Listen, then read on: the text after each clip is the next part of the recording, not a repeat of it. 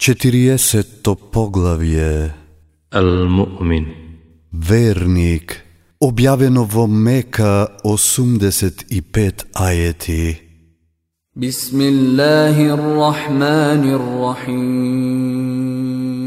Во името на Аллах, смилосниот, милостивиот. Хамим. Хамим. Објавувањето на книгата е од Аллах, силниот и сезнајниот, кој ги простува гревовите и го прима покајанието, кој страшно казнува и обилно наградува. Друг Бог освен Него нема, кај Него се се враќа. За Аллаховите ајети расправаат само тие што не веруваат, па нека не те залажува тоа што тие по светот се движат. И Нуховиот народ уште пред нив негираше, а и групите по него. Секој народ настојуваше да досегне до својот пратеник и се трудеше со невистина да ја загуши вистината, па јас го казнував, а каква само беше казната моја.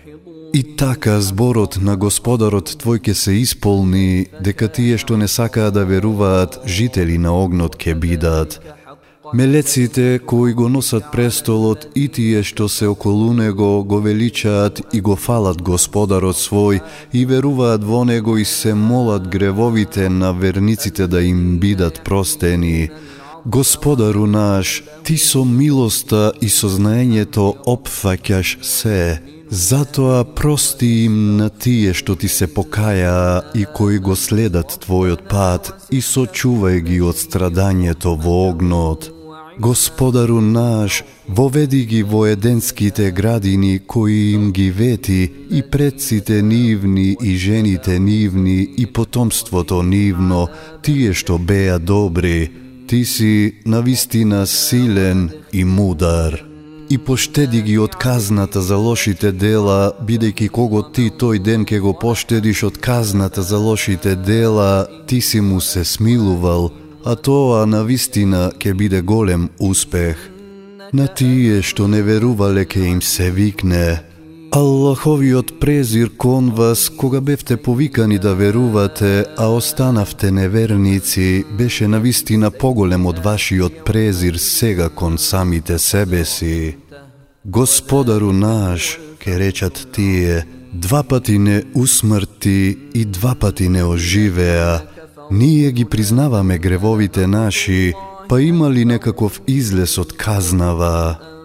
Тоа ви е затоа што не верувавте кога се повикуваше во единиот Аллах, а верувавте во политеизмот.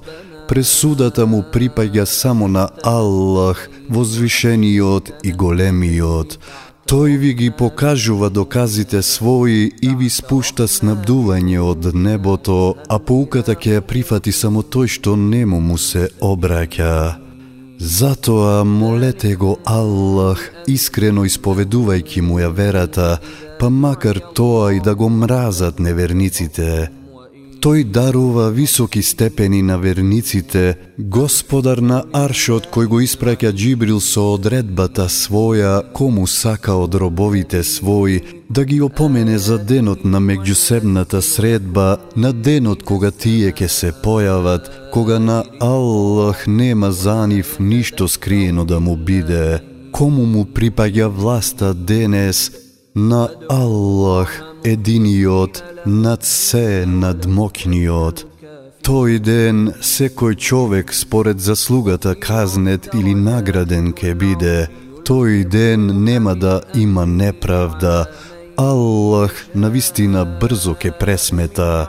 И опомени ги за блискиот ден, кога срцето до гркланот ке допре и ке се попречи, кога насилниците нема да имаат ни близок пријател, ни посредник кој ке биде чуен. Тој ги знае погледите кои во тоа што е забрането скришно гледаат, а и тоа што во градите го кријат.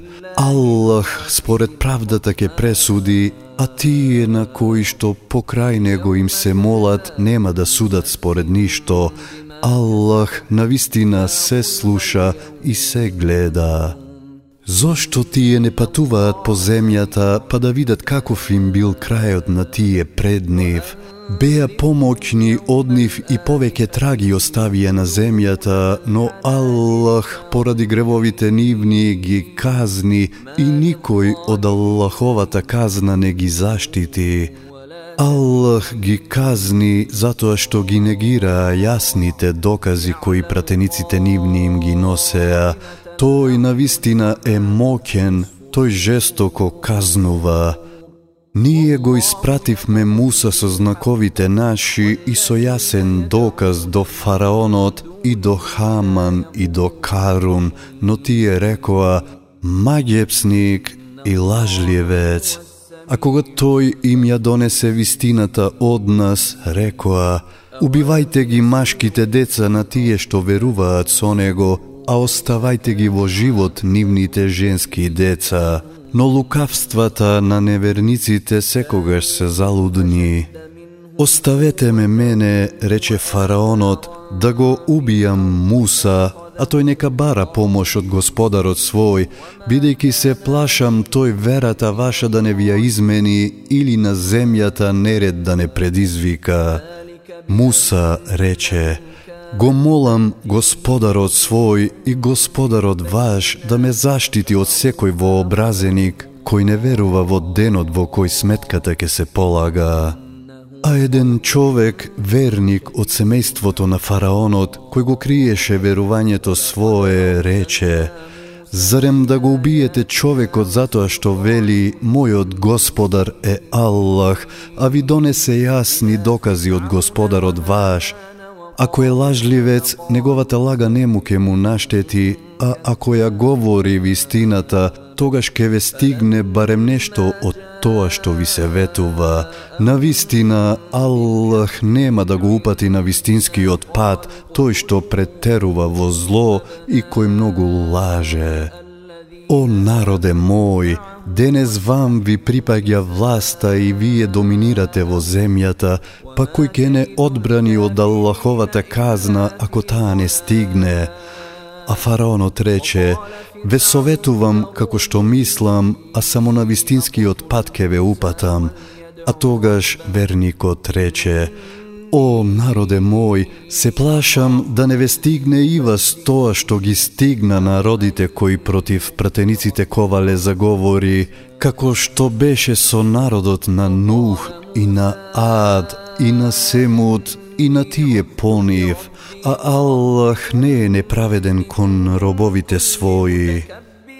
О, народе мој, јас се плашам што ке биде со вас на денот кога едни со други ке се довикувате, на денот кога со свртени грбови ке бегате, кога од Аллах нема да може никој да ве заштити, а тој кој што Аллах во заблуда ке го остави, за него нема упатувач.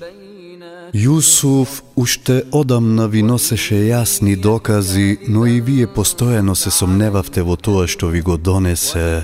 А кога тој умре, вие рековте, Аллах по него веќе нема да испрати пратеник. Ете така Аллах го остава во заблуда секој што во злото претерува и кој се сомнева, тие што расправаат за Аллаховите знаци, иако никаков доказ не им дошол. Расправањето е многу презрено кај Аллах и кај тие што веруваат. Така Аллах го запечатува срцето на секој вообразен насилник. О, Хамане, рече фараонот, изгради ми една кула за да стигнам до патеките, патеките небески, за да се искачам до Мусаовиот Бог, а јас сметам дека тој на вистина е лажливец. И ете така на фараонот неговите лоши дела му се сторија убави и тој беше одвратен од вистинскиот пат, а лукавството на фараонот заврши на негова штета. И тогаш верникот рече, О народе мој, мене следете ме, јас ке ве упатам на вистинскиот пат. О народе мој, животот на овој свет е само минливо уживање, а оној свет е на вистина вечната куќа. Кој ке стори зло, содветно ке биде казнет, а кој ке стори добро, било маж или жена, а верник е, во дженнетот ке влезе, во него секе имаат во изобилство без сметка. О, народе мој, што е ова? Јас ве повикувам да ве спасам, а вие мене ме повикувате во огнот. Ме повикувате да не верувам во Аллах и да прифатам некого за кого баш ништо не знам нему за рамен, а јас ве повикувам кон силниот, кон тој што многу простува. Нема ни малку сомнеш во тоа дека тоа кон кое ме повикувате нема никому, ни на овој ни на оној свет да му се одзвие и дека кај Аллах сите ке се вратиме и дека расипниците ке бидат жители на огнот. Ке се сеќавате на ова што ви го кажувам, а јас на Аллах му го препуштам мојот случај. Аллах на вистина робовите свои ги гледа. И Аллах го сочува од неволјата која тие му ја приредија, а фараоновите следбеници злострадание ги снајде. Тие и наутро и навечер во огнот ке се пржат, а кога ке настапи часот, воведете ги фараоновите луѓе во нетешкото страдање. И кога во огнот ке се препираат, па тие што беа подчинети ке им речат на водачите своји, Ние по вас се поведовме, можете ли барем малку од огнот да не ослободите? Тогаш водачите ке речат, еве не и нас, и ние сме во него. Аллах им пресуди на робовите своји.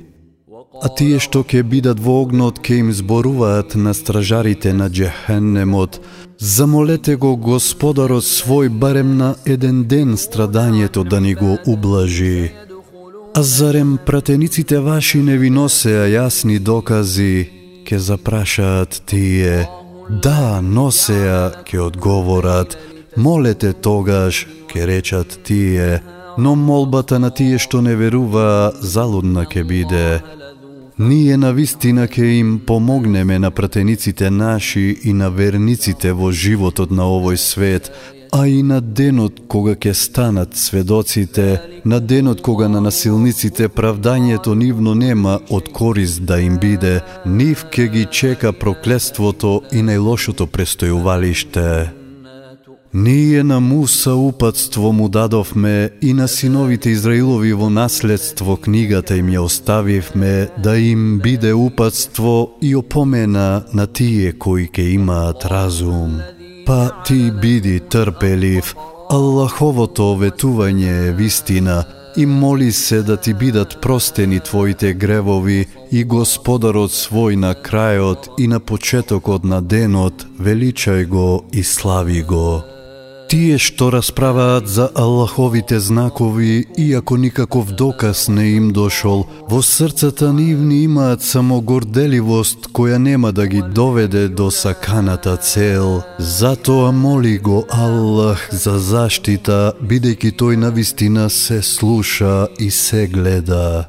Создавањето на небесата и земјата е сигурно поголемо отколку создавањето на човековиот род, но повеќето луѓе не знаат. Не се исти слепецот и тој што гледа, не се исти верниците кои прават добри дела и злосторниците. Колку малку поука примате. Ке дојде часот суден, во тоа нема сомнеш, но повеќето луѓе не сакаат да веруваат. Господарот ваш рече, повикајте ме и замолете, јас ке ви се одзвијам. Тие што од вообразеност не сакаат да ме обожуваат, сигурно понижени ке влезат во джехеннем. Аллах ви ја даде ноќта за вонија да одморате, а денот видлив. Аллах е неизмерно добар кон луѓето, но повеќето луѓе не заблагодаруваат. Тоа ви е ете Аллах, Господарот ваш, Создателот на се, друг Бог освен Него нема, па каде се одметнувате тогаш? Така се одметнува и тие што Аллаховите докази ги негираа. Аллах ви ја направи земјата престојувалиште, а небото здание и ве обликуваше, а ликовите ваши ги прави убави и со пријатна храна ве снабдува. Тоа е Аллах, Господарот ваш, и нека е возвишен Аллах, Господарот на световите. Тој е живиот, нема друг Бог освен Него, па молете го исповедајки му чиста вера. Благодарноста му припаѓа на Аллах, Господар на световите. Кажи, Мене ми е забрането да ги обожувам тие кои вие покрај Аллах ги молите, бидејќи ми дојдоа јасни докази од Господарот мој, а наредено ми е да му се предадам на Господарот на световите. Тоа е тој што ве создаде од земја, потоа од капка семе, потоа од грудка, потоа како доенчиња ве изведува и до мажественото доба да стигнете и старци да станете, а некои од вас умираат и порано, и до одредениот рок да поживеете, за да можете да сватите.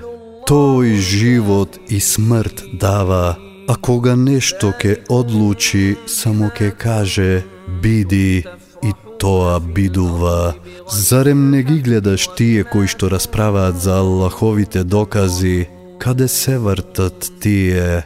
Тие што ја негираат книгата и тоа што го праќав непопратениците, ке ги дознаат последиците наскоро кога со окови околу вратот и со синџири ке бидат влечени во водата што врие, а потоа во огнот пржени. Потоа ке бидат запрашани Каде се тие кои ги обожувавте покрај Аллах? Ни се изгубија од видот, ке одговорат, та ние всушност предходно на никого не се ни клањавме.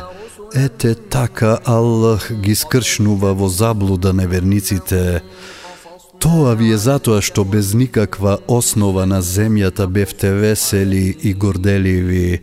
Влегувајте ни спортите на джехеннемот, во него вечно ке останете, а тоа е лошо престојувалиште на вообразените. А ти стрпи се, Аллаховата закана сигурно е вистина, било да ти покажеме дел од тоа со што им се закануваме, било предходно животот да ти го земеме, тие нам ке ни се вратат. И пред тебе пратеници испраќавме, за некои од нив ти кажувавме, а за некои не ти кажувавме. И ниеден пратеник не можеше да направи никакво чудо без Аллахова волја, а кога Аллаховата закана ќе се исполни, ќе биде пресудено според правдата и тогаш лажливците ќе бидат губитници. Аллах за вас ги создаде животните, на некои да јавате, а со некои да се храните. Вие од нив имате корист и вие на нив носите товар, и на нив и на бродовите вие се пренесувате. Тој ви ги покажува доказите за мокшта своја, па кои од Аллаховите докази не ги признавате, Зошто тие не патуваат низ земјата, па да видат како завршија тие пред нив, тие беа помногубројни од нив и посилни и оставија поголема трага на земјата и за ништо не им користеше тоа што го стекнаа. Кога пратениците нивни јасни докази им носеа, тие со знаењето што го имаа се гордееја и ги снајде тоа на што постојано се подсмеваа, а кога казната наша ке ја видеа, тогаш велеа, Ние веруваме во Аллах, во Него единиот, а се откажуваме од тие кои му ги припишувавме. Но верувањето нивно, кога казната наша ке ја видеа, не им беше од корист. Тоа е според Аллаховиот закон кој беше применет врз робовите негови, кои беа и исчезнаа и тогаш неверниците ке страдаа. وخسر هنالك الكافرون.